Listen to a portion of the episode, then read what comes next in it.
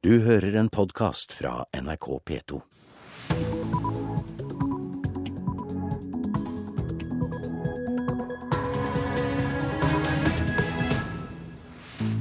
Klokka er 6.30, det er mandag 27. februar. Jeg heter Hege Holm, og du hører på P2s Nyhetsmorgen.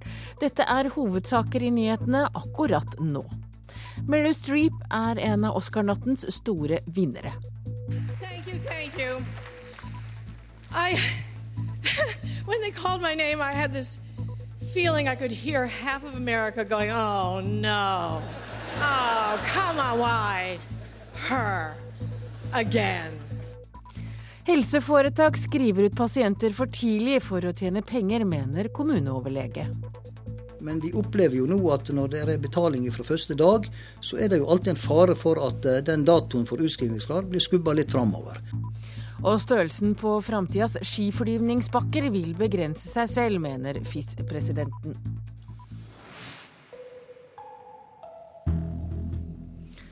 Først her i Nyhetsmorgen skal det bli litt eh, glitter og glamour. Vi skal til Oscar-utdelingen som eh, var ferdig for noen minutter siden. Meryl Streep og en stumfilm ble Oscar-nattens suverene prisvinnere. De gråt, I have to thank my families, family og de tullet You're only two years older than me, darling. Where have you been all my life? da prisvinnerne ble kåret i Hollywood i natt. Her representerte vi de beste birollene Octavia Spencer fra filmen 'Barnevakten' og Christopher Plummer fra filmen 'Beginners'. Han ble for øvrig historiens eldste Oscar-vinner så langt, med sine 82 år. I have a confession to make. When I first emerged from my mother's womb, I was already rehearsing my Academy thank you speech. Filmene 'Hugo' og stumfilmen 'The Artist' var på forhånd ventet å håve inn flere priser. Det gjorde de. The Artist fikk priser både for beste film, beste regi og beste mannlige hovedrolle. Jean Dujardin, som ble første franskmann med en Oscar noensinne. I love your country. Applausen og jubelen var enda større da veteranen Meryl Streep fikk sin Oscar for rollen som Margaret Thatcher på flere stadier i livet i Jernkvinnen. Noe filmens makeup for øvrig også ble belønnet med Oscar for. The Oscar goes to Meryl Streep, the Iron Lady. Det ble Streeps tredje Oscar etter å ha blitt nominert en rekke ganger. Og selv dronningen med full kontroll og en gullkjole som gjorde henne til et slags kvinnelig motstykke til Oscar-statuetten, fikk slite litt på scenen. Because when you thank your husband at the end of the speech, they play him out with the music, and I want him to know that everything I value most in our lives, you've given me. Norges Oscar-håp Tuba Atlantic fikk nok ingen Oscar for beste kortfilm, slik mange hadde håpet på. Tror det er best du setter deg, Oskar. I denne kategorien var det kortfilmen The Shore som vant. Regissør Halvard Witzøe og hans folk har uansett skapt mye blest, nesten like mye som den atlanterhavsbråkete tubaen i filmen, og fått en karrierestart man ikke kan unngå å høre.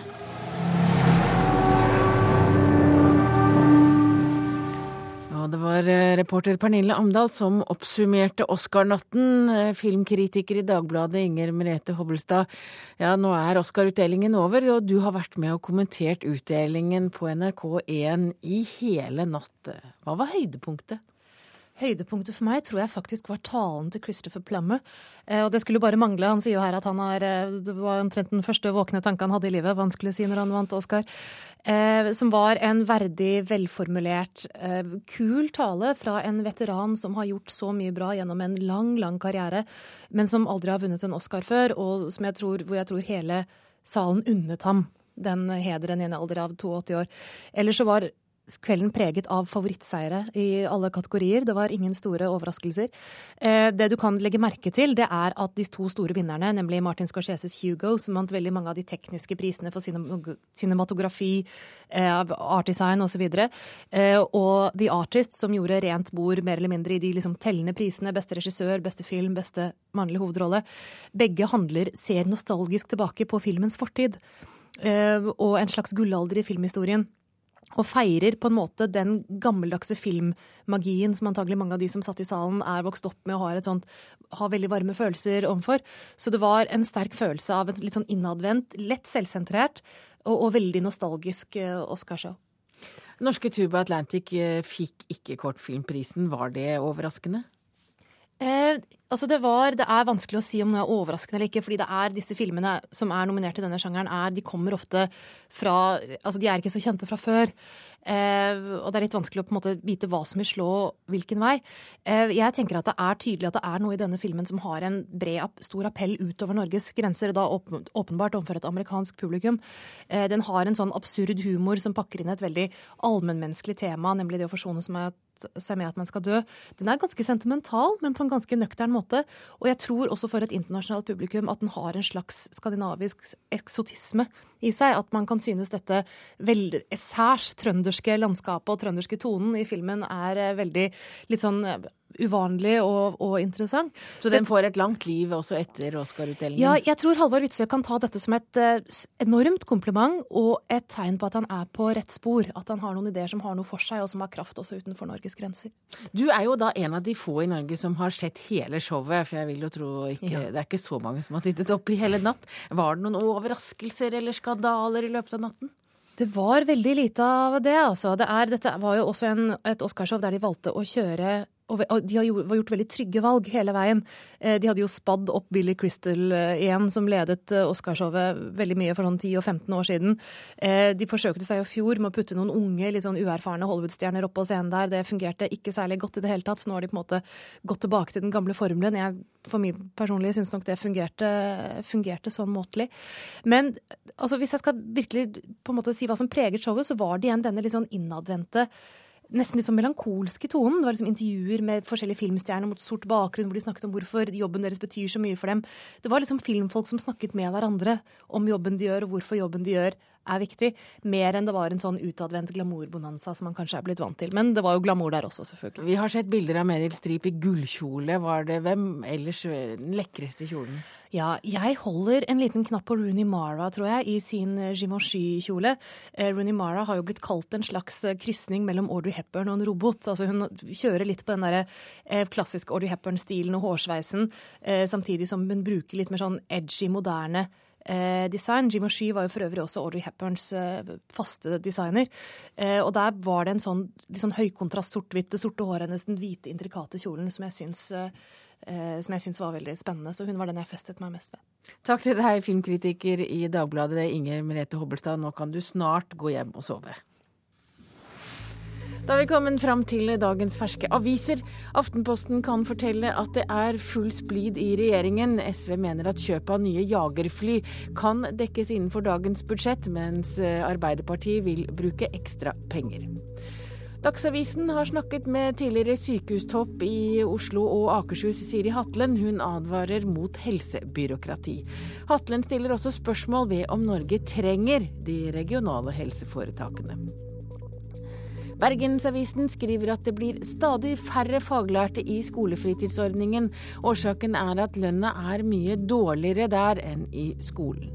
Leder for Kirkerådet mener at det finnes frykt i Den norske kirke for å være tydelig i vanskelige saker, som f.eks.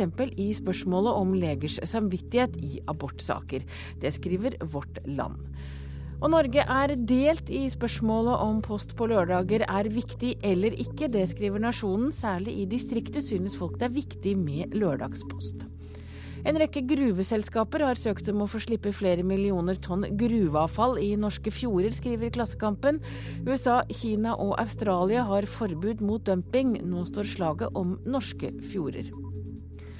Norske bedrifter får en ekstra regning fordi folk lever lenger, skriver Dagens Næringsliv. Og da er det snakk om pensjon, og det er snakk om 50 milliarder, og for operasjef Tom Remlov er forpliktelsene nærmest astronomiske, skriver avisen. Historisk høye priser på minkskinn fører til nyetableringer i pelsdyrnæringen, skriver Stavanger Aftenblad. Nav Hordaland har hatt en kraftig økning i voldsbruk og trusler mot ansatte i løpet av det siste året, skriver Bergens Tidende. På landsbasis er voldsbruken doblet. Og VG skriver i dag at åtte norske spedbarn ble vaksinert mot svineinfluensa. Målet var å finne ut om vaksinen var trygg for små barn. Flaks at ingen ble syke, sier professor i medisinsk etikk. Og Dagbladet skriver i dag om trening som kan gjøre oss hjertesyke.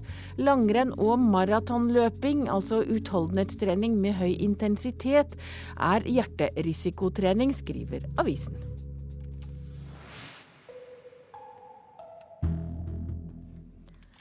De norske Afghanistan-styrkene har skjerpet sikkerheten rundt leirene sine. Det skjer pga. alle demonstrasjonene som har vært i kjølvannet av koranbrenningen på en amerikansk militærbase.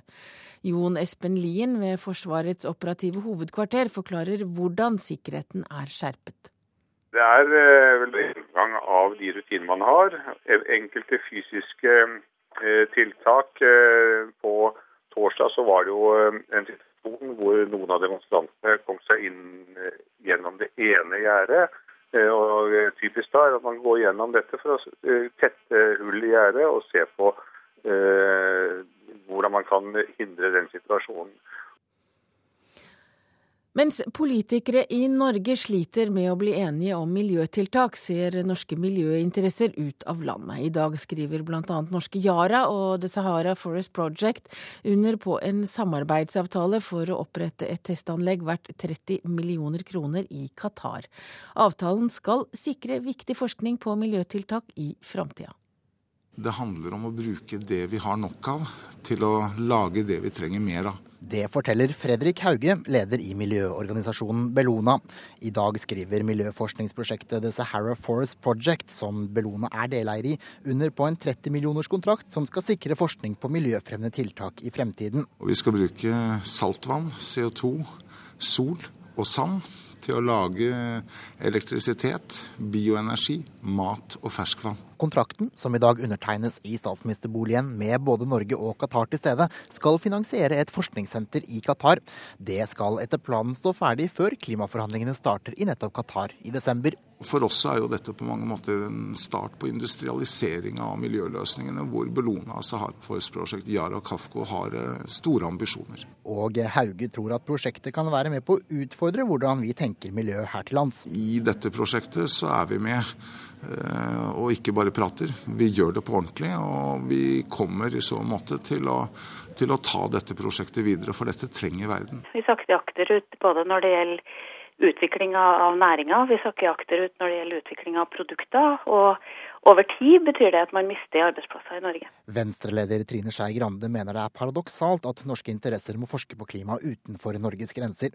Hun frykter at Norge vil havne i bakevja om vi ikke har en mer offensiv plan på klimaområdet. Vi burde hatt en plan for hvordan all den kompetansen vi har offshore om olje og alle de delene der, hvordan det også kan konverteres til mer miljøvennlige produksjoner og, og, næringsliv framover, sånn at vi er konkurransedyktige med våre arbeidsplasser og med våre produkter. Og Et land som Norge da bare lener seg tilbake og tror at vi skal betale oss ut av problemene, det kommer til å slå hardt tilbake igjen når vi ser at produksjon blir flytta ut, at produktene blir produsert i andre land, og at norske arbeidsplasser forsvinner. Det er klart Dette utfordrer kanskje måten vi tenker miljø i Norge på. Det er faktisk kanskje ikke slik at, eh, at løsningen er at vi skal eksportere dyr olje. Kanskje vi må kjøpe deres produkter i framtiden. Det sa Fredrik Hauge til Kent Amar Eriksen. I Sogn og Fjordane skriver Helse Førde ut pasienter før tiden for å sikre inntekter. Det mener kommuneoverlege i Flora, Jan Helge Dale. Nå går det litt vel fort, mener kommuneoverlegen. Vi opplever kanskje at eh, spesielt på ortopedisk avdeling så er kommer de litt fort, og kanskje ikke så godt forberedte som vi kunne ønske det, i forhold til også planer som vi skal videreføre. I Sogn og Fjordane har kommunene fått om lag 12 millioner kroner for å klare å ha et godt tilbud til pasientene sine etter sykehusoppholdet. Om kommunene ikke klarer å ta imot en utskrivingsklar pasient, må de betale 4000 kroner i døgnet til helseforetaket. Mange kommuner opplever nå å måtte betale store summer, dømes Fjaler i Sunnfjord, som for januar må ut med 360 000 kroner til Helse Førde. I Flora var de godt rusta og slipper de store utleggene. Men kommunelegen frykter at helseforetaket har budsjettert med at kommunene har pasienter liggende på overtid. Kommunene skal selvsagt ta hjem de pasienter som er utskrivingsklare. Men vi opplever jo nå at når det er betaling fra første dag, så er det jo alltid en fare for at eh, den datoen for utskrivningsklar blir skubba litt framover. Spesielt siden sykehuset selvsagt har budsjettert med å få inn igjen alle pengene som de ble fratatt og som ble sendt ut til kommunene. Sjef for Samhandling i Helse Førde, Vidar Roseth, avviser at pasientene blir skrevet ut for tidlig av økonomiske årsaker. 12 millioner er jo ikke en veldig stor sum i den store sammenhengen i Helse Førde sitt budsjett, men, men, det er ikke slik at vi, har, at vi prøver å få inn mest mulig penger og prøver å lure kommunene i forhold til det. Nei, og reporter her var Eva Marie Felde. Du hører på Nyhetsmorgen i NRK P2 og Alltid nyheter. Klokka er 6.45. Dette er hovedsaker i nyhetene akkurat nå. Mary Streep er en av Oscar-nattens store vinner. Norske Tuba Atlantic fikk ikke Oscar. Helseforetak skriver ut pasienter for tidlig for å tjene penger, mener kommuneoverlege. Og følg med, så får du vite hvorfor du blir friskere av å vite hva som feiler deg.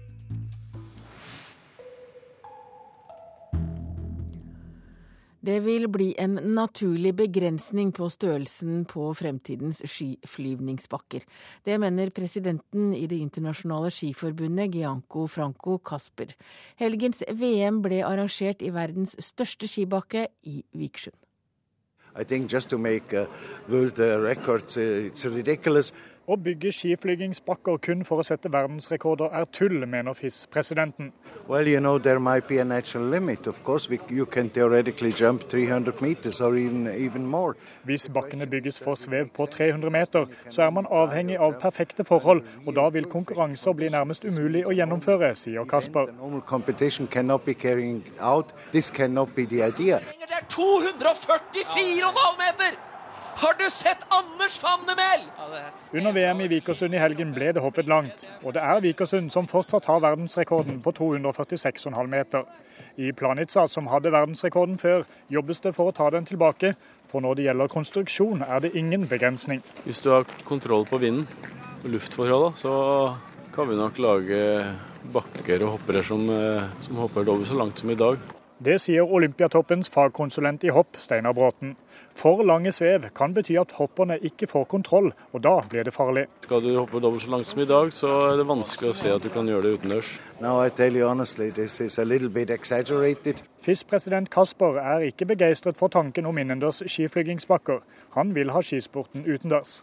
We have to live with it, and this is the nice thing about our sport. We are out in the nature. Leder i arrangementskomiteen i Vikersund, Håvard Åsten, tror bakkene utendørs vil bli større, så lenge sikkerheten til hopperne ivaretas. Selv om de snakker om 300 meter i framtida, så, så vil det nok kunne utføres i utendørsanlegg, sånn som vi har i dag. Ja, reporter her var Geir Elle. Verdenscupleder i hopp Anders Bardal hadde håpet skiflyvnings-VM i Vikersund hadde blitt en bedre oppladning til sesongavslutningen. Det gjenstår nå fem renn i verdenscupen denne sesongen, og Bardal leder 44 poeng foran Gregor Schlierenschauer i sammenlagt i verdenscupen. Det blir spennende helger framover. Og plasser som jeg trives godt i. Lahti og Granåsen, Kollen og Planica. Det ja, jeg, jeg, gleder meg. Jeg må bare la det her synke litt nå, så er vi, er vi klare til å, å, ta fatt på siste del. Mens den østerrikske nasjonalsangen ble spilt i bakgrunnen for Østerrikes gull i lagkonkurransen i går, sto Anders Bardal på siden og var litt skuffet over Norges fjerdeplass. Trønderen ble nummer sju i den individuelle konkurransen i VM i Vikersund, og dermed ble det ikke noe medalje på Bardal. Her kommer Bardal. Men det siste hoppet i lagkonkurransen ga litt selvtillit før avslutningen av verdenscupsesongen. Skal dette bli en liten opptur for Anders Bardal? Det blir det i hvert fall. 211 meter. Jeg har grubla litt, det har jeg gjort. Og ja, jeg har ikke helt funnet ut av bakken. Det er det jeg egentlig har hatt litt trøbbel med. Men jeg gjør et godt sistehopp som, som jeg tar med meg. Det, det er veldig, veldig nære. Og det var alt om hopp i denne utgaven av Nyhetsmorgen. Nå skal vi til helsa di, for du blir nemlig friskere av å vite hva det er som feiler deg. Det konkluderer man med etter å ha sett at et prosjekt med å spre kunnskap om psykisk helse på videregående skoler har ført til at færre elever sliter med angst og andre psykiske problemer. Hvis vi brekker et bein eller vi er forkjøla, så vet vi det. Men når man f.eks. begynner å bli deprimert, så kommer det smygende og det blir en del av ens person. Mia Iversen er psykiatrisk sykepleier og sitter i en ring i klasserommet sammen med 14 elever på en videregående skole i Drammen. De snakker om depresjoner, om press, anoreksia og mobbing.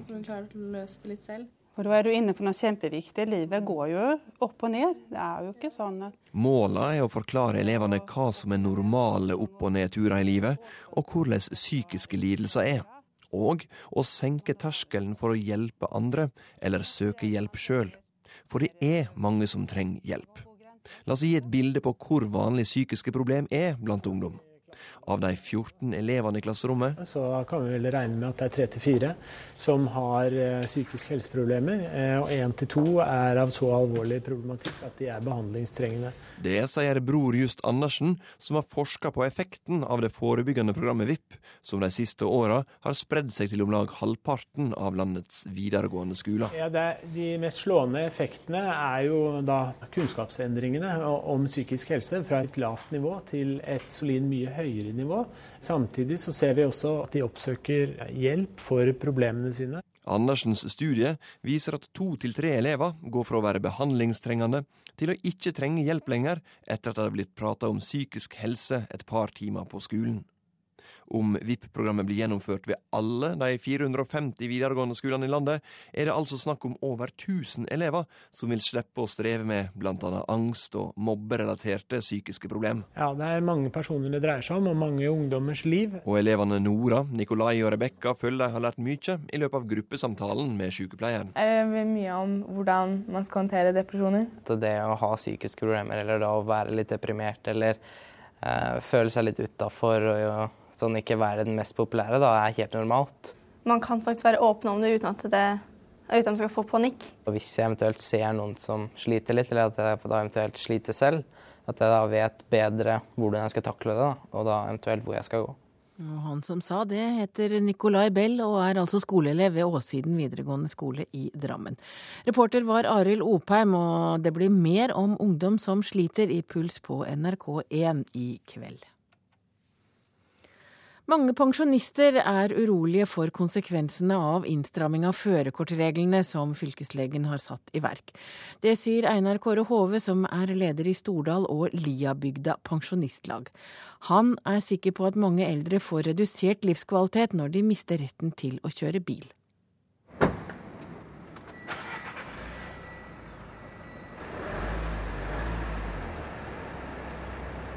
Det er dette det handler om, retten til å kunne sette seg bak rattet og kjøre bil når en sjøl vil. Men for mange eldre kan dette bli vanskeligere og vanskeligere. Det syns jeg er veldig hardt. Jeg syns at bestemmelsene skal tilsie det at du har kjørt bil hele året, men plutselig nå, da er ikke du kompetent til å kjøre. Det sier Einar Kåre Hove i Stordal på Sunnmøre. Han er straks 80 år og er leder i Stordal og Liabygda pensjonistlag. I lommeboka ligger førerkortet, og der ligger det trygt. Han tror mange eldre ikke er en risiko for trafikken, sjøl i høy alder. Dette her med å skjære alle under samme kammen, det synes jeg er feil. Men tenker du av og til at det, det kan være greit at det, han faktisk luker ut enkelte av de eldre som slett ikke burde være i trafikken? Eh, er så klar over at enkelte eldre kanskje ikke har de kvalifikasjonene som må til pga. dårlig syn, dårlig hørsel eller eh, litt dårlig reaksjonsevne. Men det spiller liten rolle det når hvis du skal skjære alle under samme kamben, da blir det feil. For, for 2011 så anmoda Fylkesmannen på bakgrunn av meldinger fra leger i fylket nesten 1100 førerkort eh, inndratt eh, av politiet. Cato Innerdal er assisterende fylkeslege i Møre og Romsdal. Over 1000 personer har den siste tida mista retten i Møre og Romsdal til å ha førerkort. Medikamentbruk, rus, psykiatri og alder er årsakene. Krava til god helsetilstand er skjerpa inn. Og veiene har blitt tryggere, det sier Jan Erik Myhr, som er seksjonsleder i Statens vegvesen. Vi mener oppriktig talt at veiene i, i Møre og Romsdal, eller det å ferdes på veien, er blitt tryggere. I Stordal er pensjonistlederen skeptisk til innskjerpa regler. Eldre blir mer isolerte og ensomme som en følge av dette. Han ber nå alle pensjonister om å engasjere seg. Drosja er ikke her lenger, og busser er det veldig lite av. Hvor skulle du komme deg på butikken? Hvor skulle du komme ned på offentlig kontor? Eller til tilstelninger i bygda eller i tettsteder og sånn, hvis du ikke har bil. For å si det, si det sånn, da, så syns jeg at det, det er voldsomt stor straff. De eldre som har levd et langt liv, skal bli fråtatt mulighetene når de blir eldre på en sånn måte. For det kan føles ut som at det er en straff, det? Ja, det er en straff. Og eh, det er faktisk et hån mot de eldre. Ja, Einar Kåre Hove er leder i Stordal og Liabygda pensjonistforening, og reporter her var Håvard Ketil Sporsheim. Den svenske skuespilleren og forfatteren Erland Josefsson døde i helgen, 88 år gammel. Josefsson arbeidet i mange år sammen med Ingmar Bergman og spilte blant annet i Fanny og Alexander. Han samarbeidet også tett med Liv Ullmann i Bergmans TV-serier Scener fra et ekteskap i 1972. Og det er altså en stor kunstner som har gått bort, sier Liv Ullmann. Erland Josefsson han, han, han er en stor kunstner, ikke bare som skuespiller, men også som instruktør, og ikke minst som forfatter av bøker, mange, og også av eh, enaktere for teatret, som har vært dypt gripende og, og, gjort at man har sett saker som man ikke visste at man, man kunne se, og har forstått saker som man ikke visste man kunne forstå. Eh, det, det er et utrolig savn. Gi meg en sjanse, Johan. Det, du stiller meg innenfor et fullbordet faktum. Det, det stiller meg i en løyelig og outhärdlig situasjon. Det kan du vel ennå forstå? Ja, jeg vet precis hva du mener. Hva skal foreldrene si? Hva skal din søster tenke? Hva skal umgänget tykke? Jævla hva det kommer til å prates. De spilte et ektepar i krise i scener fra et ekteskap. Men utenfor skjermen satte skuespiller Liv Ullmann stor pris på Erland Josefsson som venn og kollega. Og hvis det var noe som preget den filmen privat, så var det latter. Til tross for at det var mange triste og vanskelige scener som man kunne se, så var de som sto bak, fulle av latter. Jeg, jeg er så takknemlig for at jeg har fått lov å være med ham i uh, snart 50 år. Og at jeg har lært masse av ham, at jeg har ledd masse med ham, at jeg har reist masse med ham. Det er nesten en trøst uh, å tenke på at uh, nå er jo Ingmar der oppe et eller annet sted med sjelen sin, så kanskje sjelen til Erland kommer, og så har de hverandre. Ja, og det bildet var det Liv Ullmann som ga oss, reporter her var Ida Kvittingen.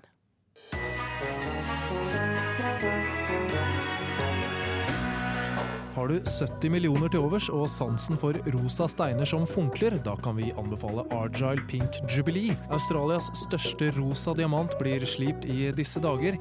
Men hva som gjør diamanter rosa, det er fortsatt et mysterium. NRKs eget luksusorakel eh, Torkjell Berlufsen tar diamantpraten i Radioselskapet etter Dagsnytt klokka 11. har vi kommet fram til et værvarsel her i P2s Nyhetsmorgen. Fjellet i Sør-Norge kan du vente sørvestlig liten kuling utsatte steder. Litt snø fra i formiddag spredd snø og sludd lengst vest. Ellers for det meste skyet oppholdsvær. Østafjells skyet litt snø eller sludd, litt regn Unnskyld. Litt regn nær kysten og på Sørlandet fra i formiddag, stort sett oppholdsvær. Vestlandet sør for Stad fra i formiddag sørvestlig stiv kuling ved Stad, lettere vær. I kveld sørlig frisk bris på kysten i sør, kuling lenger nordover, liten storm nær Stad, regn. Møre og Romsdal fra i formiddag sørvestlig stiv kuling på kysten, lettere vær. I kveld økning til sørvest liten storm på kysten, regn og snø i fjellet. Trøndelag sørøstlig liten kuling utsatte steder. Oppe i sterk kuling i nord. Litt snø og sludd, regn på kysten. Fra i ettermiddag sørvestlig stiv kuling på kysten. I kveld liten storm, etter hvert regn, snø i fjellet. Helgeland, Saltfjellet, Salten, Ofoten og Vesterålen sørøstlig sterk kuling utsatte steder. I kveld økning til sørlig liten storm på kysten, snø i fjellet, regn på kysten. Lofoten sørlig sterk kuling, i ettermiddag økning til full storm, fra i formiddag sludd, senere regn. Troms økning til sørlig sterk kuling utsatte steder, fra i ettermiddag liten storm på de mest utsatte stedene, tilskyende oppholdsvær med stedvis snøfokk. Kyst- og fjordstrøkene i Finnmark fra i formiddag stiv kuling utsatte steder. Fra sent i ettermiddag liten og av og til full, full storm på de mest utsatte stedene. Finnmarksvidda pent vær fra i ettermiddag sørlig stiv kuling utsatte steder. Og Nordensjøland på Spitsbergen stort sett pent vær. I ettermiddag økning til østlig liten kuling, lokalt sterk kuling i vest.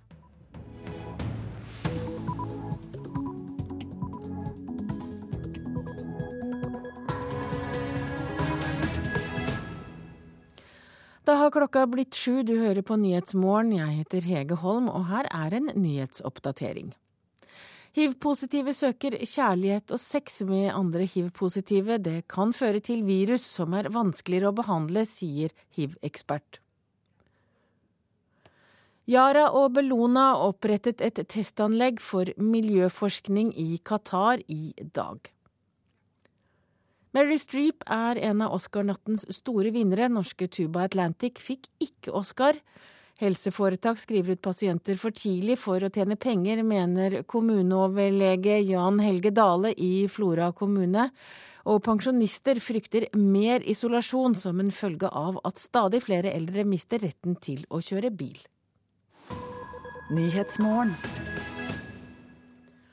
Hiv-positive søker kjærlighet sammen med andre hiv-positive på nettet og andre steder. Grunnen er ønsket om å kunne ha ubeskyttet sex og leve i et forhold uten stigmatisering. Men også hiv-positive som har sex med hverandre bør beskytte seg, sier eksperter. De kan nemlig bli smittet på ny og få et virus som er vanskelig å behandle. Hiv-positive Louis Gay Guy foreslår at hiv-positive søker kjærester med samme diagnose. Da møter du et menneske som har kjent på sin egen kropp fordommene, stigmatiseringen.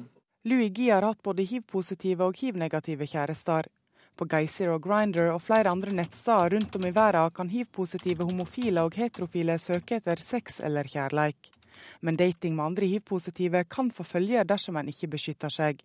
Det forteller overlege ved mikrobiologisk avdeling ved Haukeland universitetssykehus Birgitta Aarsjø. Egentlig skulle det kanskje ikke være noe større problem, men saken er den at man kan smittes med et nytt hiv-virus. Man kan altså bli superinfektert, som det betyr. Tilstanden er sjelden, og en vet ikke hvor ofte det skjer og blir en smitta under behandling for hiv av et nytt virus som er resistent mot medisiner, gir dette også utfordringer. Da blir jo denne personen som hadde det snille virus, smittet av et virus som er vanskeligere å behandle, for de har resistenser redan fra begynnelsen. Louis Guy har blitt informert om muligheten for å bli smitta på ny men har blitt fortalt at med fast partner er det ingen vansker. Er vi begge vellykket medisinsk behandlet, dvs. Si at vi har udetektbare virusmengder i blodet vårt, og vi er faste partnere, så er det OK for to hiv-positive å praktisere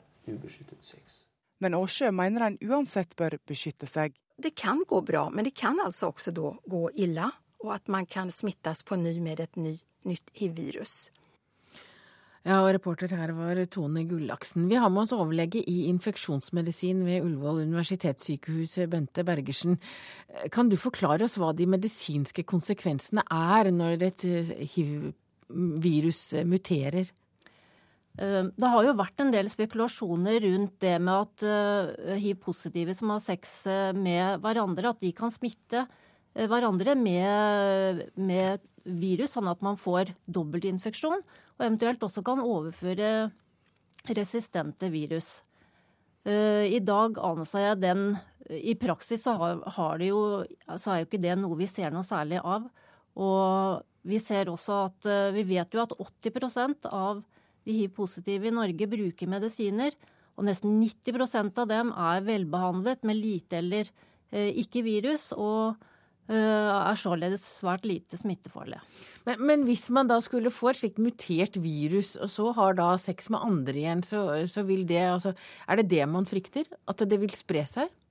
Ja, Det høres jo veldig skummelt ut med et sånt ja, mutert litt... Eh, virus. Men eh, jeg mener i dag så har vi så gode medisiner, så mange uh, muligheter for å kombinere, at uh, i praksis er det veldig liten uh, grunn til at folk skal ha et resistent virus. Det, det, som jeg vil nevne, det som, et, det som, vi ser som er en medisinsk konsekvens av dette, det er jo at det er veldig mye kjønnssykdommer i den gruppen. Og det er veldig uheldig og øker også smittsomheten. Så derfor så bør de fortsette å bruke kondom. Men det gjelder, som ble nevnt i innslaget her, særlig de som har mange og ukjente partnere, og eventuelt også i kombinasjon med rus. Det er jo, som vi hørte, også vanskelig for mange hiv-positive å være ærlige om diagnosen, så for dem er det kanskje veldig mye enklere å finne andre med den samme diagnosen. Men burde det ikke etter så mange år med, med hiv-viruset være enklere? Ja, jeg skjønner jo det. Altså det å si at man er hiv-positiv er ikke noe spesielt bra sjekketriks. Eh, men, eh, og jeg skjønner at folk føler seg tryggere, og det er enklere å finne en annen hiv-positiv partner. Samtidig så er det sånn i dag at eh, jeg vil si at hvis man treffer en hyggelig, trivelig jente eller gutt som sier at de er hiv-positive, at de har null i virus og kondom i lomma, så er det bare å slå til. Så det er det rådet du vil gi til pasienter eh, som kommer til deg og, og er bekymra? Ja, når det gjelder det der det muterte viruset, så mener jeg at det, det var, har vært veldig mye spekulasjoner rundt det, men at det er mer en teoretisk mulighet som vi ikke ser noe til i praksis. Takk til deg, overlege i infeksjonsmedisin ved Ullevål universitetssykehus, Bente Bergersen. I dag skriver altså bl.a.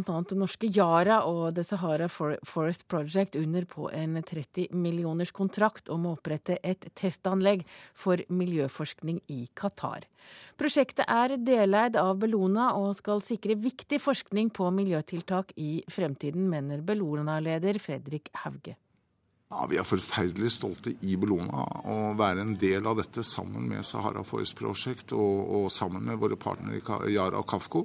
Det er en stor avtale, og eh, det er fryktelig spennende i forhold til at vi skal ha dette ferdig før klimaforhandlingene, som faktisk finner sted i Qatar i år. I dette prosjektet så er vi med og ikke bare prater. Vi gjør det på ordentlig, og vi kommer i så måte til å til å ta dette prosjektet videre, for dette trenger verden. Og vi skal bruke saltvann, CO2, sol og sand til å lage elektrisitet, bioenergi, mat og ferskvann. Ja, det sa Bellona-leder Fredrik Hauge.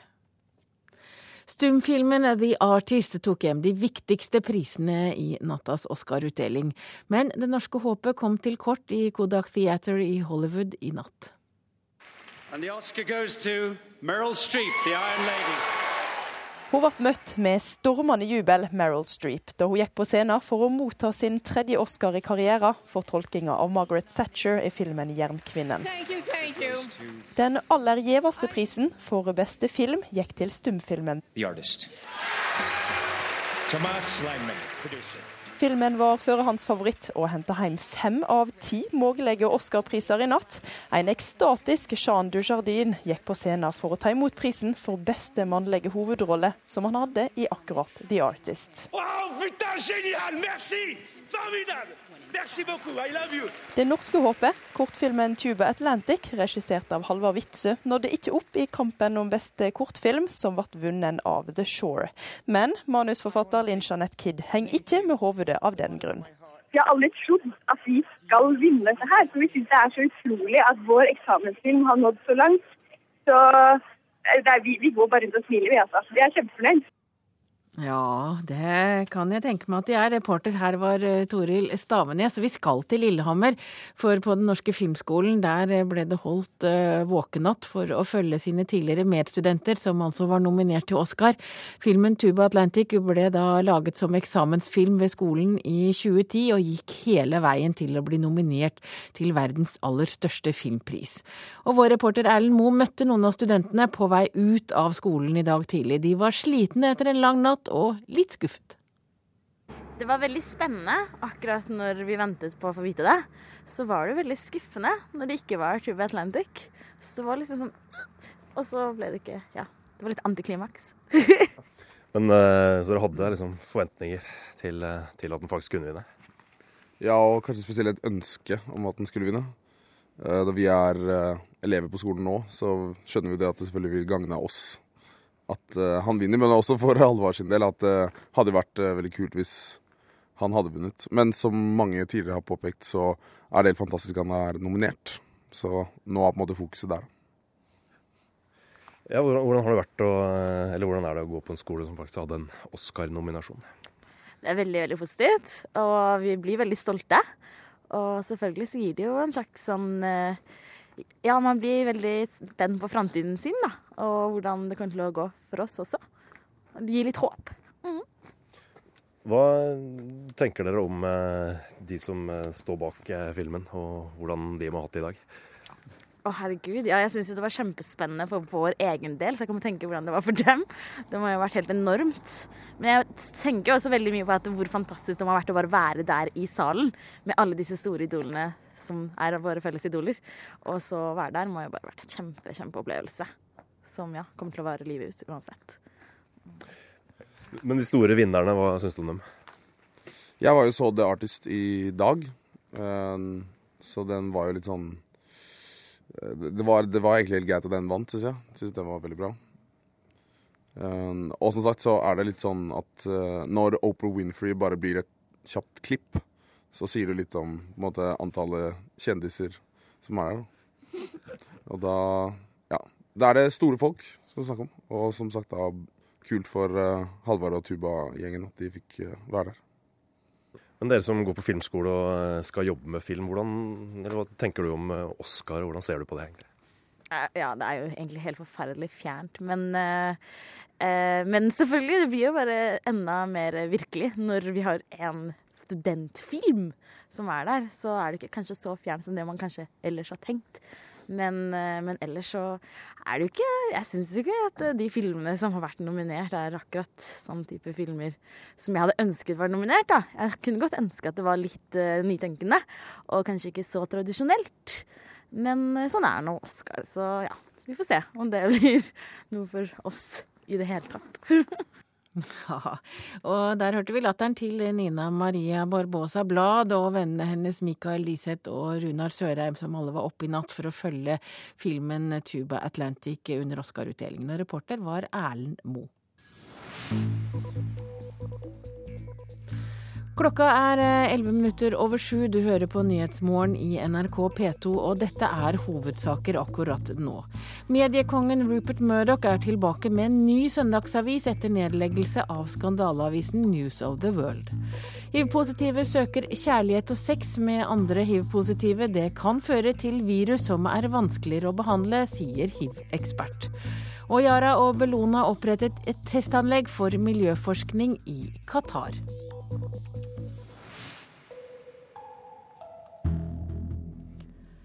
I Afghanistan har minst ni mennesker blitt drept i et selvmordsangrep mot flyplassen Jalalabad øst i Afghanistan. Nato-soldater har sperret av området fly, rundt flyplassen, der de har en militærleir. De norske Afghanistan-styrkene har samtidig skjerpet sikkerheten rundt leirene sine etter uroen i kjølvannet av koranbrenningen på en amerikansk militærbase. Og Jon Espen Lien ved Forsvarets operative hovedkvarter sier at de følger situasjonen nøye. Ja, vi gikk jo gjennom eh, både eh, si, teoretisk eh, de, sikkerhetssituasjonen og tiltak, men også en fysisk gjennomgang for å se om det var ting som kunne sikres bedre. Og man gikk gjennom praktiske rutiner for hvordan personellet skulle opptre. Etter den amerikanske koranbrenningen på en militærbase i Afghanistan i forrige uke, har det vært mange og sinte demonstrasjoner i landet. Torsdag angrep demonstranter den norske leiren i Maimane, på lørdag ble to amerikanske Nato-rådgivere drept inne i det afghanske innenriksdepartementet. Jon Espen Lien ved Forsvarets operative hovedkvarter sier de følger situasjonen nøye. De har hatt grundige sikkerhetsgjennomganger i de norske leirene. Bl.a. ble det innført enkelte begrensninger for å bevege seg utenfor leirene unødvendig. Det er eh, vel bare inngang av de rutinene man har. Enkelte fysiske eh, tiltak. Eh, på torsdag så var det jo en situasjon hvor noen av demonstrantene kom seg inn eh, gjennom det ene gjerdet. Eh, og eh, typisk da er at man går gjennom dette for å tette hull i gjerdet og se på eh, hvordan man kan hindre den situasjonen. Og reporter her var Ellen Borge Christoffersen. I går var mediekongen Rupert Murdoch tilbake med en ny britisk søndagsavis etter nedleggelsen av skandaleavisen News of the World. Det gjør han ved å starte en søndagsutgave av Storbritannias største dagsavis, The Sun, og målet er altså å gjenvinne leserne som gikk tapt da News of the World forsvant. Og korrespondent Gry Blekastad Almås, eh, vil de klare det?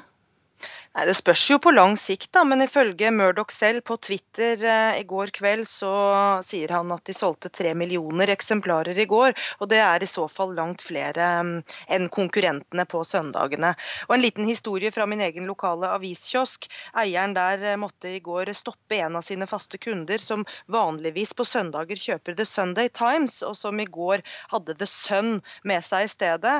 Og hvor aviskioskeieren da måtte bare gjøre han klar over at det er The Sun du kjøper, altså, og ikke The Sunday Times. Men det var med vilje denne kunden, som mange andre i går, vil jeg tro, ville ha med seg den aller første utgaven av denne nye søndagsavisa. Men om, om salgstallene kommer til å opprettholdes, det gjenstår selvfølgelig um, å se.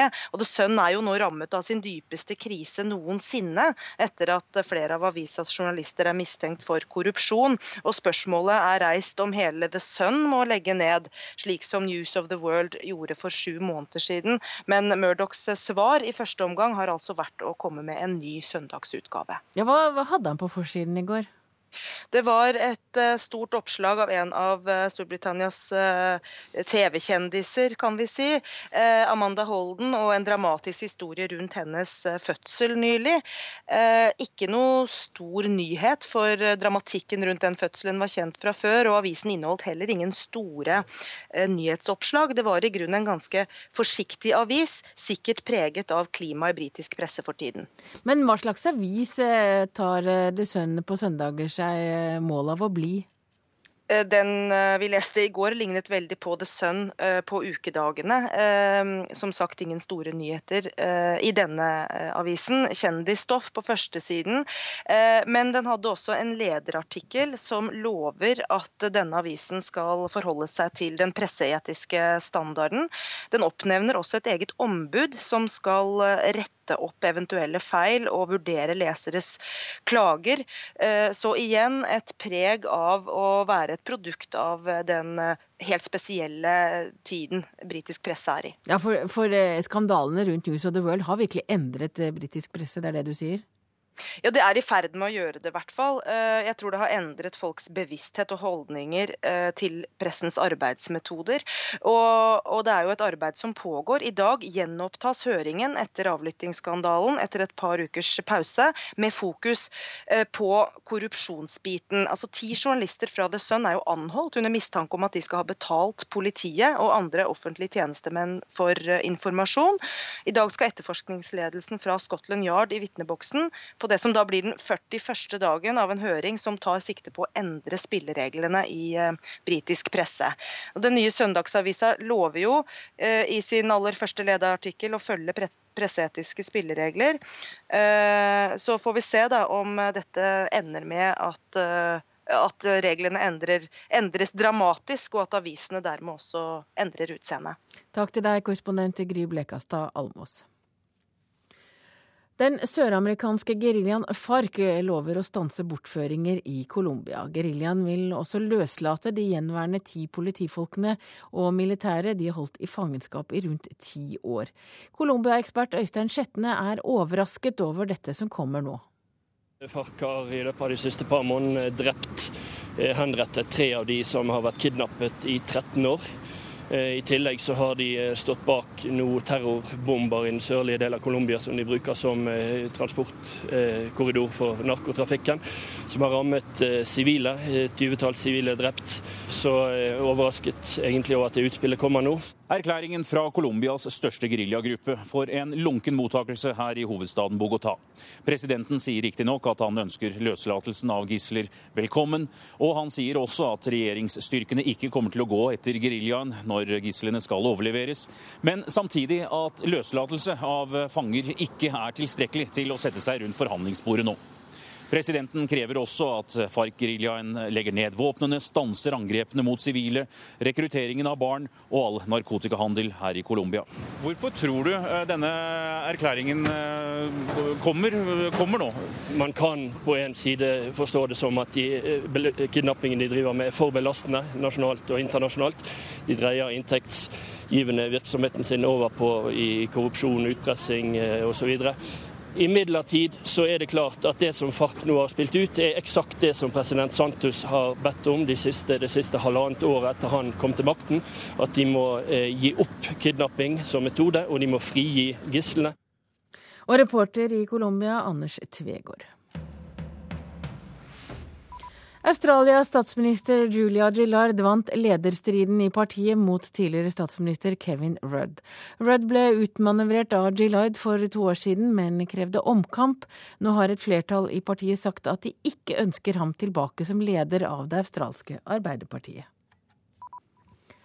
USA og sørkoreanske styrker har begynt en militærøvelse på den koreanske halvøya, til tross for advarsler fra Pyongyang.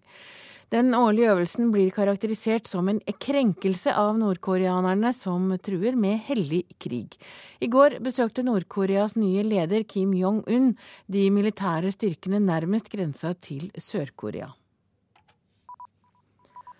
Myanmars opposisjonsleder Aung San Suu Kyi sier Norge er det første landet hun vil besøke etter valget i april. Suu Kyi, som har tilbrakt 15 av de siste 21 årene i husarrest, fikk aldri reist til Oslo for å hente Nobels fredspris i 1991. Eventuelle reiseplaner nå er avhengig av omstendighetene etter valget, sier hun. Vi kan ikke gi opp arbeidet for og drømmen om en palestinsk stat, sier utenriksminister Jonas Gahr Støre. Han vil ikke vente, vende palestinerne ryggen. I dag legger han ut på en omfattende Midtøsten-reise. Og mens færre og færre israelere og palestinere selv tror at en tostatsløsning fremdeles er mulig, står norsk politikk fast. For få dager siden ga israelske myndigheter grønt lys for bygging av nesten 700 nye leiligheter og hus i bosettinger langt inne på den okkuperte Vestbredden. 600 av boenhetene er i en utpost, som også er ulovlig i henhold til israelsk lov.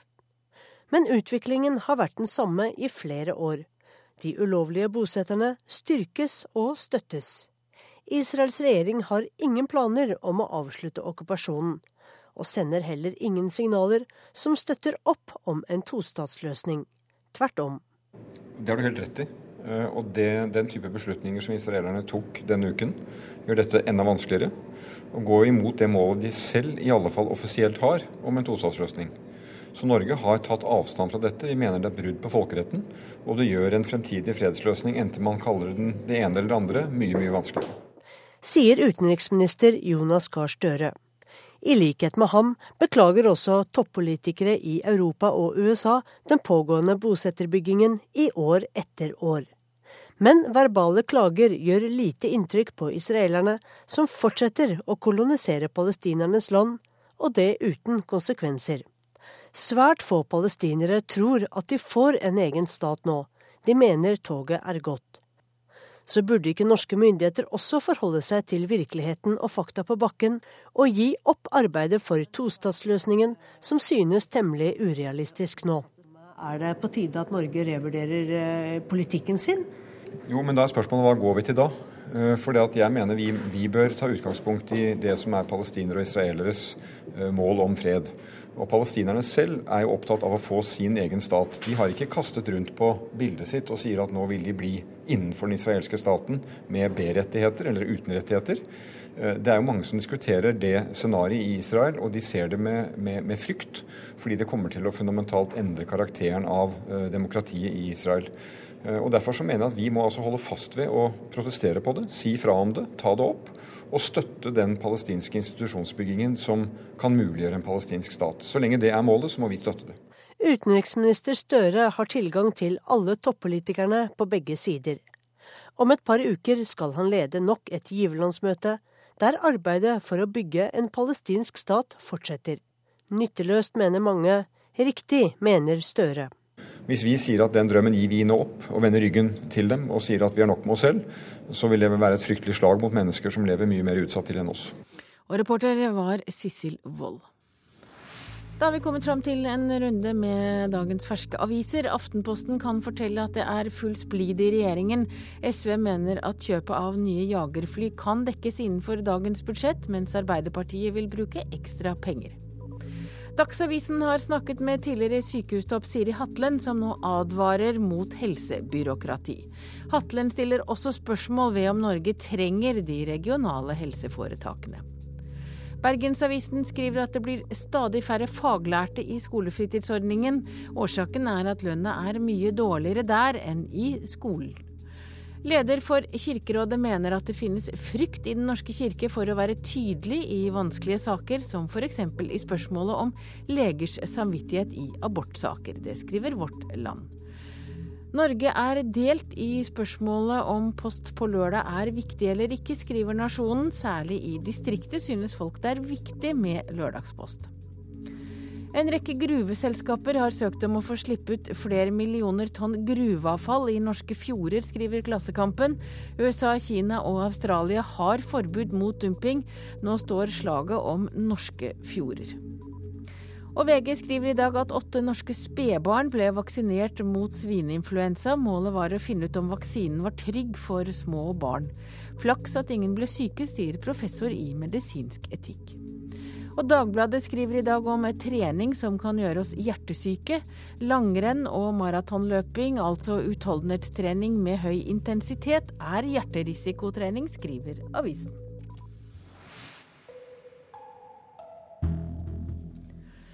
Gjester og arrangører var storfornøyde med helgens verdensmesterskap i skiflyvning i verdens aller største hoppbakke i Vikersund. Det startet fredag med utsettelser og vind, men med norsk sølvmedalje på lørdag og strålende hver søndag ble det en fest alle var fornøyd med, blant dem gjengen i Team Arne Skeie. Ja, kjempebra. veldig bra. Hva er det som har vært det beste denne helga?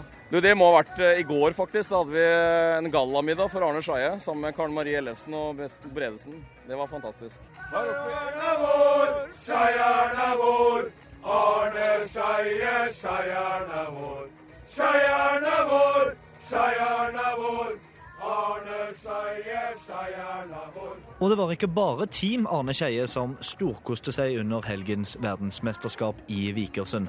Den kjente hoppkommentatoren hadde også en strålende helg i kommentatorboksen. Har vært veldig flinke, som jeg bestandig sier. Husk på at dette er en kommune med 12 000 mennesker, tettsted på ca. 3000, og får til dette og får 50 60 70 000 tilskuere hit. Det er helt enestående. og både sportslig, publikumsmessig, idrettsmessig. Alt. Det har vært topp for meg. Og slike ord er gode å høre for en arrangør. President i organisasjonskomiteen Håvard Orsten innrømmer at det var litt vemodig å avslutte festen i går ettermiddag. Ja, det er alltid det når man skal ta farvel, og særlig etter en sånn kjempefin dag som dette her. Skulle gjerne hatt en par sånne dager til. Ja, hvordan vil du oppsummere helga? Ja, Det er en fantastisk fin helg. Det er liksom det hun sitter igjen med. Det å kunne gå rundt en hel dag sånn som i dag søndag og bare se hvordan allting fungerte sånn som vi hadde planlagt. Ikke minst returen med busser etter 27 000 besøkende hadde på lørdag. Og eh, alle går rundt og smiler og er fornøyde. Da, da, skjønner vi at vi har treffet det vi ønska ved et verdensmesterskap. Forrige uke skrev Finansavisen at VM-overskuddet kan bli på hele fem millioner kroner. Orsten ønsker ikke å spekulere i hvor stort overskuddet blir, men er fornøyd med inntektene. Jeg håper og tror at når vi teller opp til slutt, at det er positivt. Jeg er helt sikker på at eh, vi skal klare å gjøre opp for alle de kostnadene vi har tatt, og kanskje gi noe tilbake for å nedbetale de tingene som vi har i anlegget. Selv om verdensmesterskapet er over, betyr ikke det at hoppbakken blir stående ubrukt. Neste år skal det arrangeres verdenscuprenn i Vikersund, og det har allerede ordfører i Modum, Terje Bråten, begynt å se fram til. Nå er jeg bare glad. Nå skal vi smile og le iallfall i 14 dager. Og så skal vi begynne å samle kreftene til 2013. Da er det worldcuprenn her. En av ordførerens gjester i helgen var stortingspresident Dag Terje Andersen. Det som imponerte han mest i helgen, var størrelsen på skiflyvningsbakken. Den største bakken jeg vel har sett hopprenn i, bortsett fra Vikersund før, det er uh, i Holmenkollen. Som jeg har sett i virkeligheten. Uh, og det her er jo mange ganger større enn det, så det er imponerende at folk tør å sette ut der i det hele tatt. Men først og fremst et veldig fantastisk anlegg og et uh, godt arrangement. Skal du være virre skeie, gutt? Ja, for søren! Og reporter i Vikersund var Odd Vegard Kandal. Du hører altså på Nyhetsmorgen i NRK P2, og i den neste halvtimen får du bl.a. høre en reportasje om den norske velgerskaren i amerikansk politikk. I Politisk kvarter kvart på åtte så får vi besøk av mannen som det har stormet rundt i forrige uke, nemlig Audun Lysbakken. Produsent for Nyhetsmorgen er Ingvild Ryssdal. Jeg heter Hege Holm, og har du nyheter eller tips, send det til oss til nyhetsmorgen, krøllalfa, nrk.no.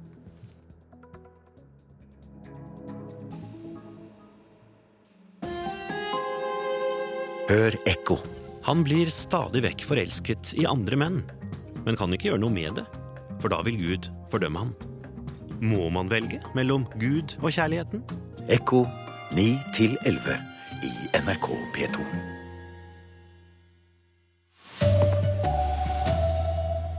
Ubeskyttet sex mellom hiv-positive kan føre til et virus som er enda vanskeligere å behandle, sier hiv-ekspert. Sikkerheten er skjerpet rundt de norske Afghanistan-styrkene. Og en stumfilm ble nattas Oscar-vinner, mens den norske tubaen ble taus. Her er NRK Dagsnytt, klokka er 7.30. Hiv-positive som har ubeskyttet sex med hverandre, kan bli smittet på ny og få et virus som er vanskelig å behandle. Det advarer eksperter. Mange hiv-positive søker andre i samme situasjon for å ha ubeskyttet sex og leve i et forhold uten stigmatisering. Det sier hiv-positive Louis Guy. Da møter du et menneske som har kjent på sin egen kropp fordommene, stigmatiseringen. Louis Guy har hatt både hiv-positive og hiv-negative kjærester.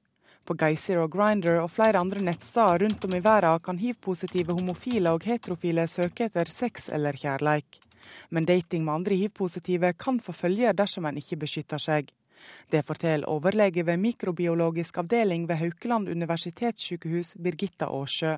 Saken er den at man kan smittes med et nytt hiv-virus. Man kan altså bli superinfektert, som det betyr. Tilstanden er sjelden, og en vet ikke hvor ofte det skjer.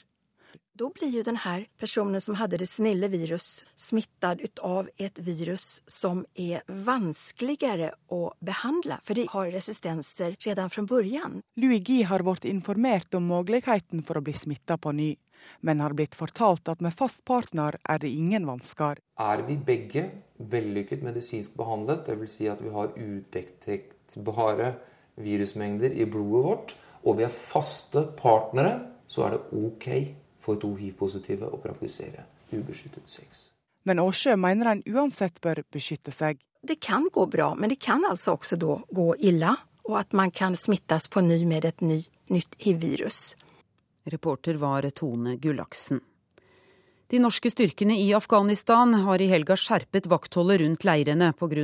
alle demonstrasjonene som har oppstått etter koranbrenningen i forrige uke. Jon Espen Lien ved Forsvarets operative hovedkontor sier de har gjennomgått alle sikkerhetsrutiner. En norsk soldat ble skadet av demonstranter torsdag. Ja, Vi gikk jo gjennom både si, teoretisk de sikkerhetssituasjonen og tiltak, men også en fysisk gjennomgang for å se om det var ting som kunne sikres bedre. Og man gikk gjennom praktiske rutiner for hvordan personellet skulle opptre. Etter den amerikanske koranbrenningen på en militærbase i Afghanistan i forrige uke, har det vært mange og sinte demonstrasjoner i landet. Torsdag angrep demonstranter den norske leiren i Maimane. På lørdag ble to amerikanske Nato-rådgivere drept inne i det afghanske innenriksdepartementet. Jon Espen Lien ved Forsvarets operative hovedkvarter sier de følger situasjonen nøye. De har hatt grundige sikkerhetsgjennomganger i de norske leirene. Bl.a. ble det innført enkelte begrensninger for å bevege seg utenfor leirene unødvendig. Det er eh, vel bare inngang av de rutinene man har. Enkelte fysiske eh, tiltak. Eh, på torsdag så var det jo en situasjon hvor noen av demonstrantene kom seg inn gjennom det ene gjerdet. Og typisk da er at man går gjennom dette for å tette hull i gjerdet og se på hvordan man kan hindre den situasjonen. Reporter var Ellen Borge Christoffersen. Den søramerikanske geriljaen FARC lover å stanse bortføringer i Colombia. Geriljaen vil også løslate de gjenværende ti politifolkene og militære de har holdt fanget i rundt ti år. Colombia-ekspert Øystein Sjetne er overrasket over at dette kommer nå. FARC har i løpet av de siste par månedene drept, henrettet tre av de som har vært kidnappet i 13 år. Eh, I tillegg så har de eh, stått bak noen terrorbomber i den sørlige delen av Colombia som de bruker som eh, transportkorridor for narkotrafikken, som har rammet sivile. Et tyvetall sivile drept. Erklæringen fra Colombias største geriljagruppe får en lunken mottakelse her i hovedstaden Bogotá. Presidenten sier riktignok at han ønsker løslatelsen av gisler velkommen, og han sier også at regjeringsstyrkene ikke kommer til å gå etter geriljaen når gislene skal overleveres, men samtidig at løslatelsen løslatelse av fanger ikke er tilstrekkelig til å sette seg rundt forhandlingsbordet nå. Hvorfor tror du eh, denne erklæringen eh, kommer, kommer nå? Man kan på en side forstå det som at de eh, kidnappingene de driver med er for belastende nasjonalt og internasjonalt. De dreier inntektsgivende virksomheten sin over på i korrupsjon, utpressing osv. Imidlertid så er det klart at det som FARC nå har spilt ut, er eksakt det som president Santos har bedt om de siste, de siste halvannet året etter han kom til makten. At de må eh, gi opp kidnapping som metode, og de må frigi gislene.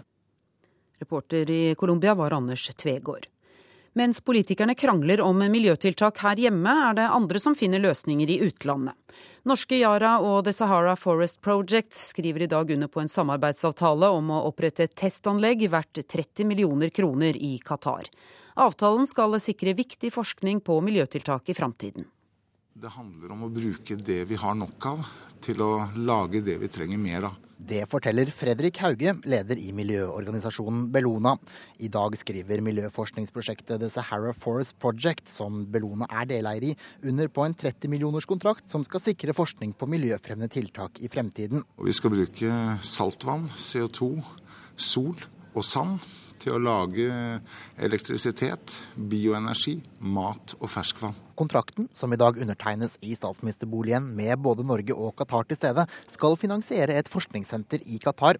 Det skal etter planen stå ferdig før klimaforhandlingene starter i nettopp Qatar i desember. For oss er jo dette på mange måter en start på industrialiseringa av miljøløsningene, hvor Bellona, Sahara Forest Project, Yara og Kafko har eh, store ambisjoner. Vi sakter akterut både når det gjelder utviklinga av næringa. Og over tid betyr det at man mister arbeidsplasser i Norge. Venstreleder Trine Skei Grande mener det er paradoksalt at norske interesser må forske på klima utenfor Norges grenser.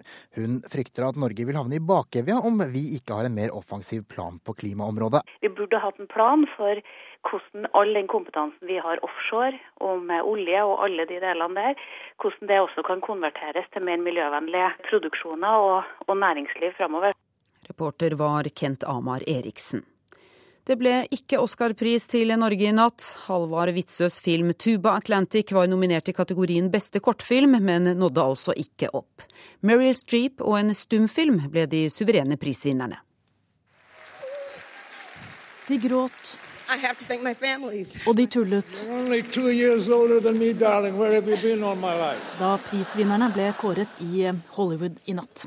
Her representerte vi de beste birollene. Octavia Spencer fra filmen 'Barnevakten' og Christopher Plummer fra filmen 'Beginners'. Han ble for øvrig historiens eh, eldste Oscar-vinner så langt, med sine 82 år.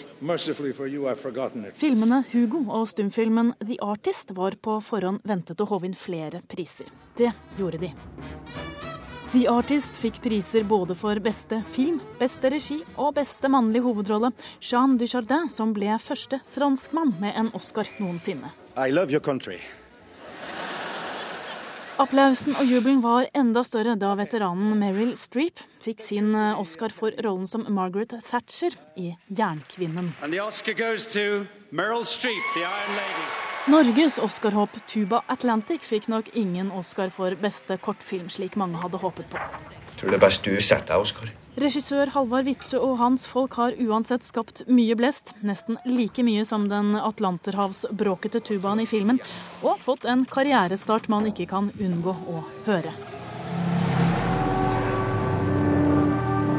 Ja, dette innslaget var laget av Pernille Amdal. Verdenscupleder i hopp, Anders Bardal, hadde håpet skiflygnings-VM i Vikersund hadde blitt en bedre oppladning til sesongavslutningen. Det gjenstår fem renn i verdenscupen denne sesongen, og Bardal leder med 44 poeng foran Gregor Slirens Sauer. Det blir eh, spennende helger framover. Og plasser som jeg trives godt i. Lahti og Granåsen, Kollen og Planica. Jeg gleder meg. Jeg må bare la det her synke litt nå, så er vi, vi klare til å, å, ta fatt på siste del.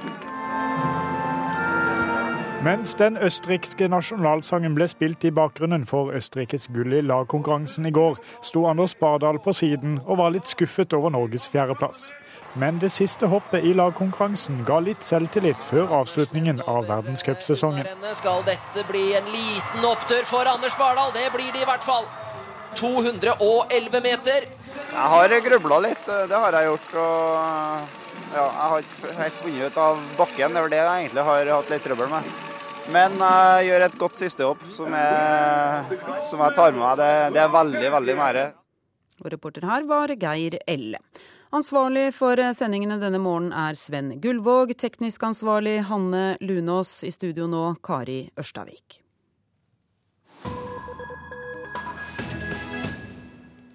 Klokka er ti over halv åtte og Nyhetsmorgen fortsetter. Nå skal vi til nominasjonskampen i det republikanske partiet i USA. For eh, kampen fortsetter, og i morgen er det delstatene Arizona og Michigan som står for tur. I enkelte stater i Midtvesten er norsk-amerikanere blitt en viktig velgergruppe. Vår korrespondent Jon Gelius har snakket med ambassadør Vegger Strømmen om den norske velgerskaren i amerikansk politikk. Ladies and gentlemen, the Republican candidates for President of the United States.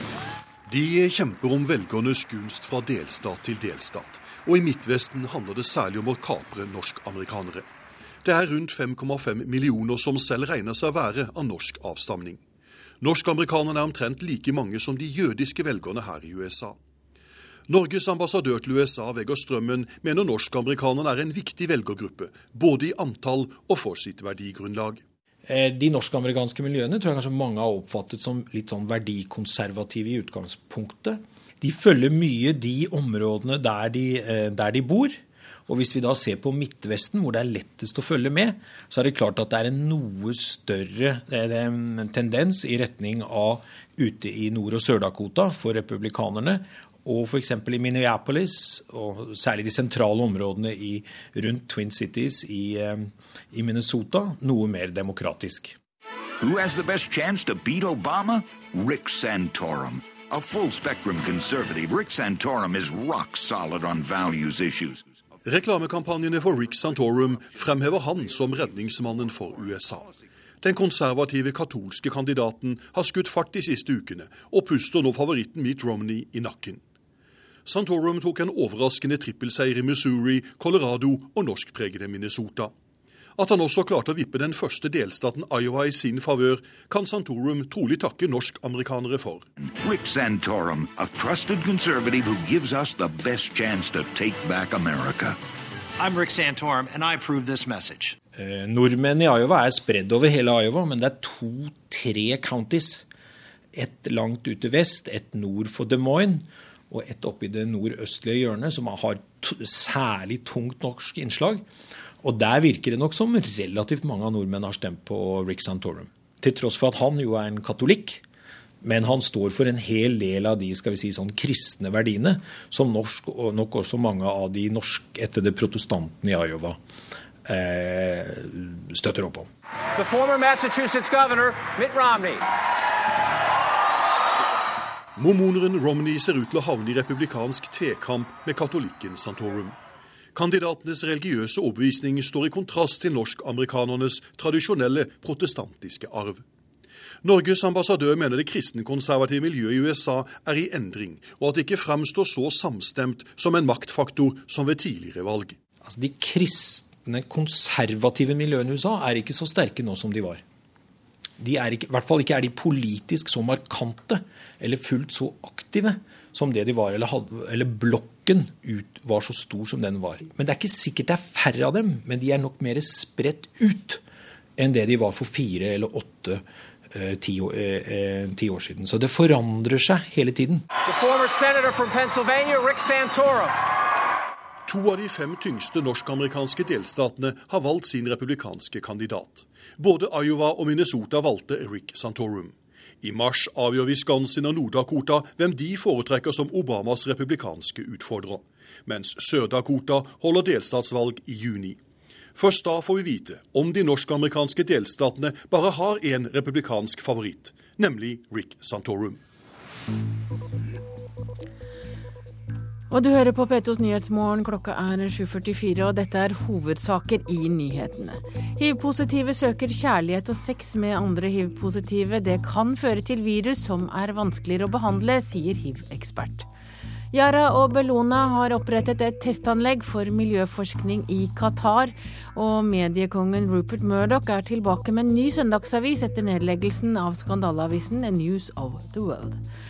Og da nærmer det seg hastig politisk kvarter, og der har du besøk av en mann det stormet, eller den mannen det stormet mest rundt i forrige uke, programleder Siri Hjørt. Ja, for mye tyder på at uroa rundt Audun Lysbakken fortsetter denne uka, når kontroll- og konstitusjonskomiteen åpner sak mot den påtroppende SV-lederen.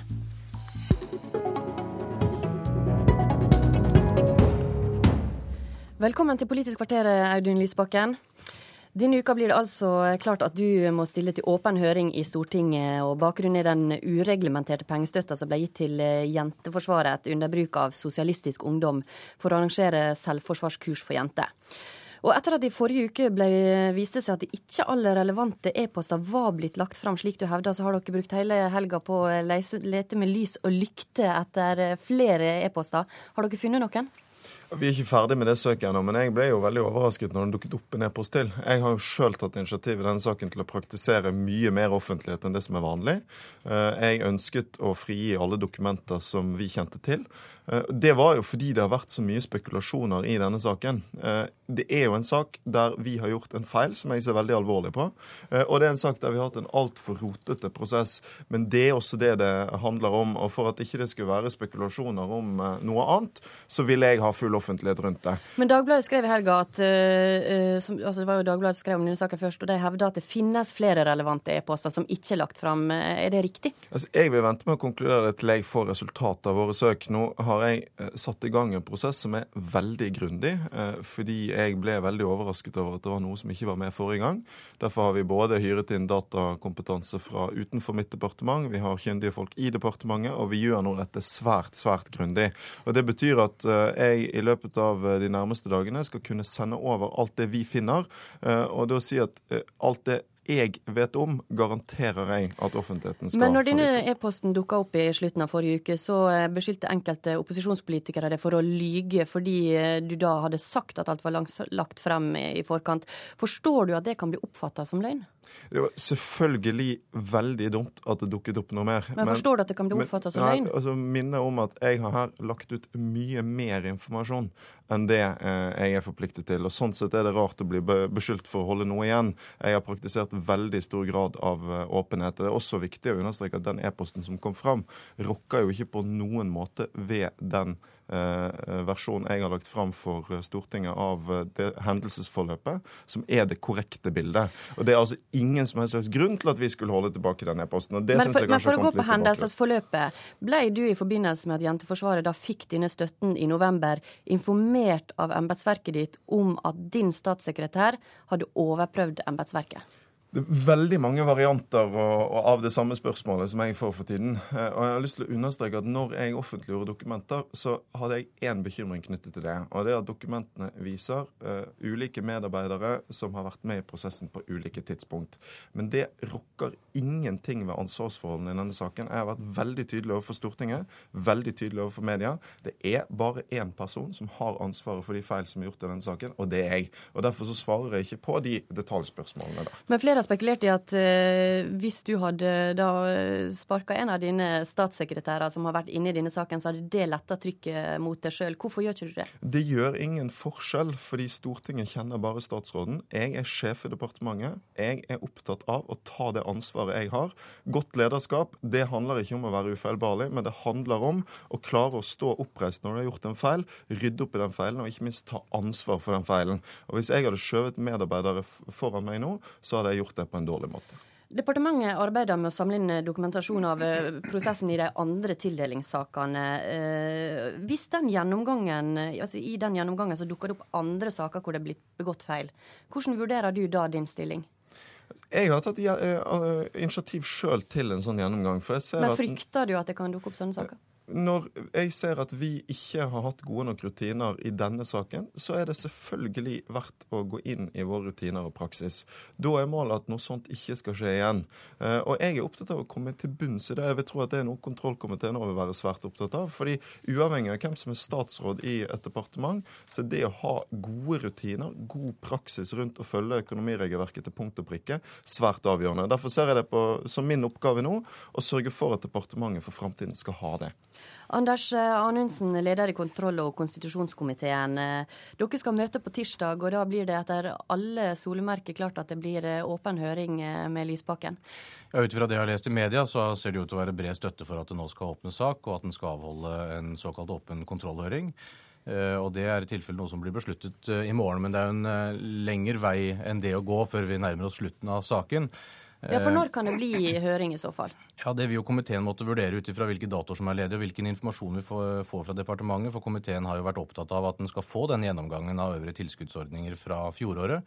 Fordi en har vært bekymra over forvaltninga av den tilskuddsordningen som vi har, her har sett eh, forvaltningen av. Det har vært uh, veldig mange ulike informasjoner som har kommet litt fra dag til dag.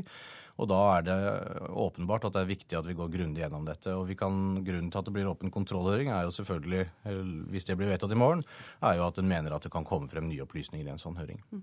Lysbakken er jo da eh, på valg for å bli SV-leder. Er det slik at eh, opposisjonen eh, på Stortinget ser seg tjent med å dra denne saken i langdrag? Nei, dette handler ikke om politikk eller politisk spill. Det handler rett og slett om at kontroll- og konstitusjonskomiteen ikke kan sette sitt kontrollarbeid på pause, selv om det er en statsråd som vil bli partileder leder et parti.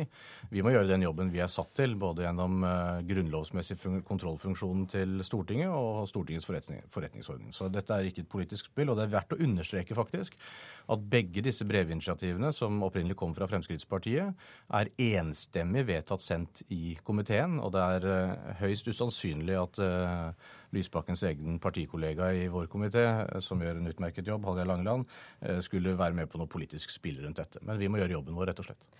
Dere vil etter hvert eh, få mer informasjon som du er inne på, om eh, de andre tildelingene i departementet. Hva skjer om det er gjort flere feil? Ja, Det vil jo i tilfelle bli en del av den saken. Eh, saken som sådan fremstår jo eh, utad som relativt alvorlig allerede. Eh, og det er et spørsmål om hvor mange sånne feil og mangler et departement kan gjøre uten at det får konsekvenser. Men jeg er veldig glad for at Lysbakken nå er helt utvetydig på det som er det åpenbare faktum, nemlig at det er han som er ansvarlig for det som skjer i departementet, uavhengig av hvem som har gjort hva. Det er uh, Lysbakken som svarer overfor Stortinget. Og vi har jo sett at statsråder har uh, trukket seg tilbake frivillig for mindre forseelser enn dette. Men uh, jeg syns det er viktig at vi ikke drar frem de store ordene før vi har åpnet sak, og før vi har fått alt av fakta på bordet. Og da er det ikke sikkert det er grunnlag for de store ordene. Det må vi på en måte komme tilbake til når vi vet mer. Men hvor sannsynlig er det at det blir fremma mistillitsforslag når dere faktisk åpner høring? Nei, Det er et helt umulig spørsmål å svare på i denne konkrete saken. Normalt så har jo vi mange saker som vi behandler, og flere kontrollhøringer, og det er ingen av de som denne stortingsperioden har endt med mistillitsforslag. Så det er jo helt avhengig av hva en finner underveis i saken. Mistillit er en svært, svært alvorlig situasjon eh, i vårt parlamentariske styringssystem, eh, selv om det er lite sannsynlig at man med med en flertallsregjering vil, vil, få gjennomslag for noe sånt, men det er på en måte det nest, eh, mest alvorlige et storting kan gjøre i forhold til en statsråd. Eh, men det må, hvorvidt den kommer, kommer, dit, det må vi rett og slett komme tilbake til underveis. Men det som er klart, eh, Audun Lysbakken, er at det kan ta noe tid før denne saken blir ute av verden på den ene eller den andre måten. Og Hvordan ser du på det i forhold til at dere da skal ha landsmøte om ikke, ikke lang tid? De to tingene har lite med hverandre å gjøre. Jeg er opptatt av at eh, kontrollkomiteen skal få gjøre sin jobb. Eh, og jeg eh, ser fram til jeg å møte i høringer, fordi nå er det sånn at denne saken styres i veldig stor grad av media. Media har sin dagsorden, ønsker mest mulig bråk om dette, selvfølgelig. Jeg ønsker mest mulig klarhet, og en direkte dialog med Stortinget gir mulighet til det. Så det ser jeg fram til. Så Men det har, jo, det har, jo, en del med hverandre å gjøre, fordi hvis det faktisk viser seg til flere ting, og hvis det gjør at du må gå av som minister, så påvirker jo det SV som parti. Jo, men jeg føler meg trygg på denne saken i den forstand at jeg har erkjent og tatt ansvar for de feil som er gjort. Så får andre vurdere eh, hvordan de eh, opplever det. Men jeg eh, går til den høringen i trygg forvissning om at vi har lagt på bordet den informasjonen som skal legges på bordet, og langt mer. At jeg praktiserer en åpenhet som viser at vi ikke har noen ting å skjule i saken. Og så er det viktig å understreke at jeg er fullt ut interessert i eh, å få til en god prosess med, med komiteen. Jeg syns kontrollkomiteens leder har vært ryddig i hele, hele, denne prosessen. Og det er ikke rart at Stortinget ønsker å stille spørsmål når det er så mye oppmerksomhet rundt en sak i media. Men har dere som eh, partiledelsen, altså i partiledelsen vurdert om det hadde vært hensiktsmessig å utsette valget av det som ny SV-leder? Nei, det er ikke tema. Vi skal ha landsmøte om under to uker. Det går selvfølgelig som eh, planlagt. Eh, jeg kjenner på veldig veldig sterk støtte fra partiet også i denne situasjonen. Det setter jeg enorm pris på.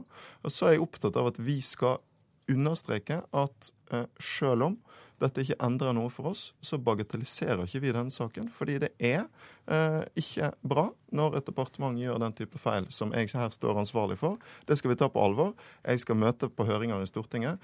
Men saken handler om en for rotete prosess penger som er brukt til et uh, godt formål. Det er ingen som har beriket seg sjøl, men vi har likevel gjort en feil underveis som jeg har tenkt å ta ansvar for. Men likevel, i forhold til din rolle som eh, SV-leder, altså du har sagt at du vil bli tøffere mot uh, Arbeiderpartiet. Gjør ikke denne saken det, det vanskeligere for deg?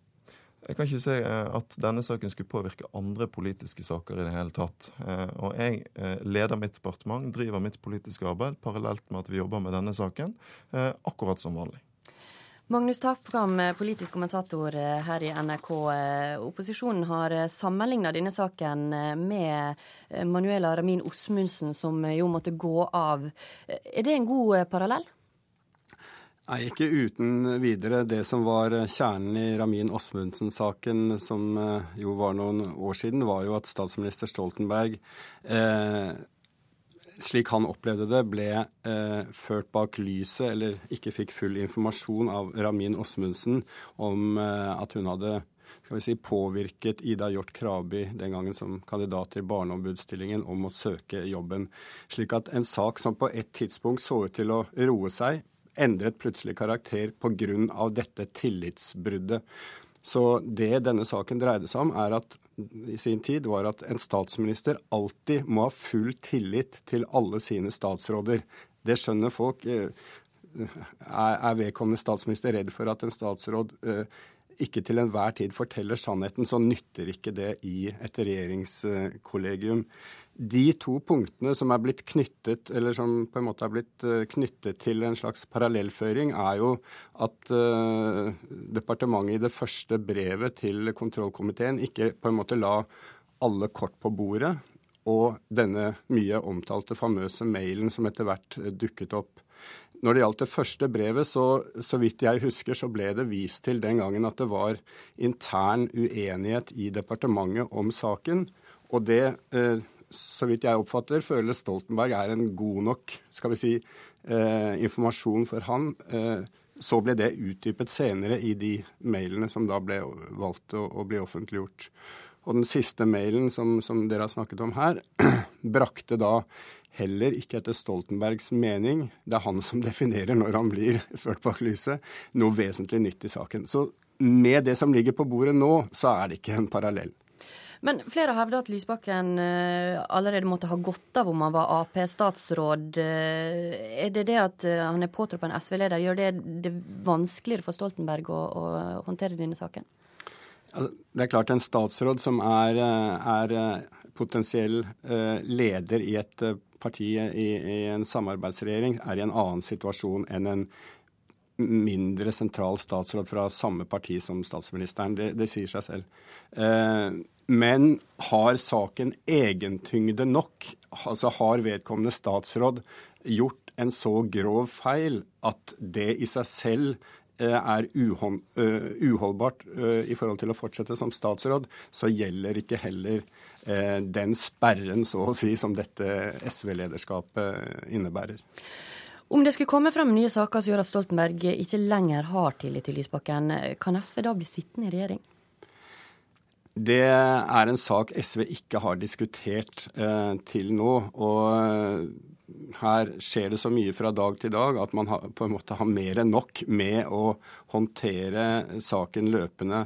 Jeg tror SV, og for så vidt eh, resten av regjeringen og statsministeren, håper og tror at saken er lagt på bordet så langt eh, det er, er, er, mulig å ha oversikt til nå, og at eh, Lysbakken sine videre planer blir, blir som før. Eh, så når den saken skulle dukke opp, så tror jeg eh, man tar stilling til det. Men det blir selvfølgelig en hodepine og en veldig vanskelig situasjon i så fall. Helt kort til slutt. Eh, enkelte har pekt på at han kunne sparka en av statssekretærene sine. Hadde det vært en løsning for Lysbakken? Nei, Det ville vært å, å, å liksom løpe fra eget ansvar og gi skylda på andre. Hva som skjer den dagen eh, eh Lysbakken da blir leder i SV, eh, som, som, alle regner med, og må ha et nytt mannskap som partileder og medlem av underutvalget, er jo en annen sak. Og med det er Politisk kvarter slutt. Siri Gjørts takker for seg. Du har hørt en podkast fra NRK P2.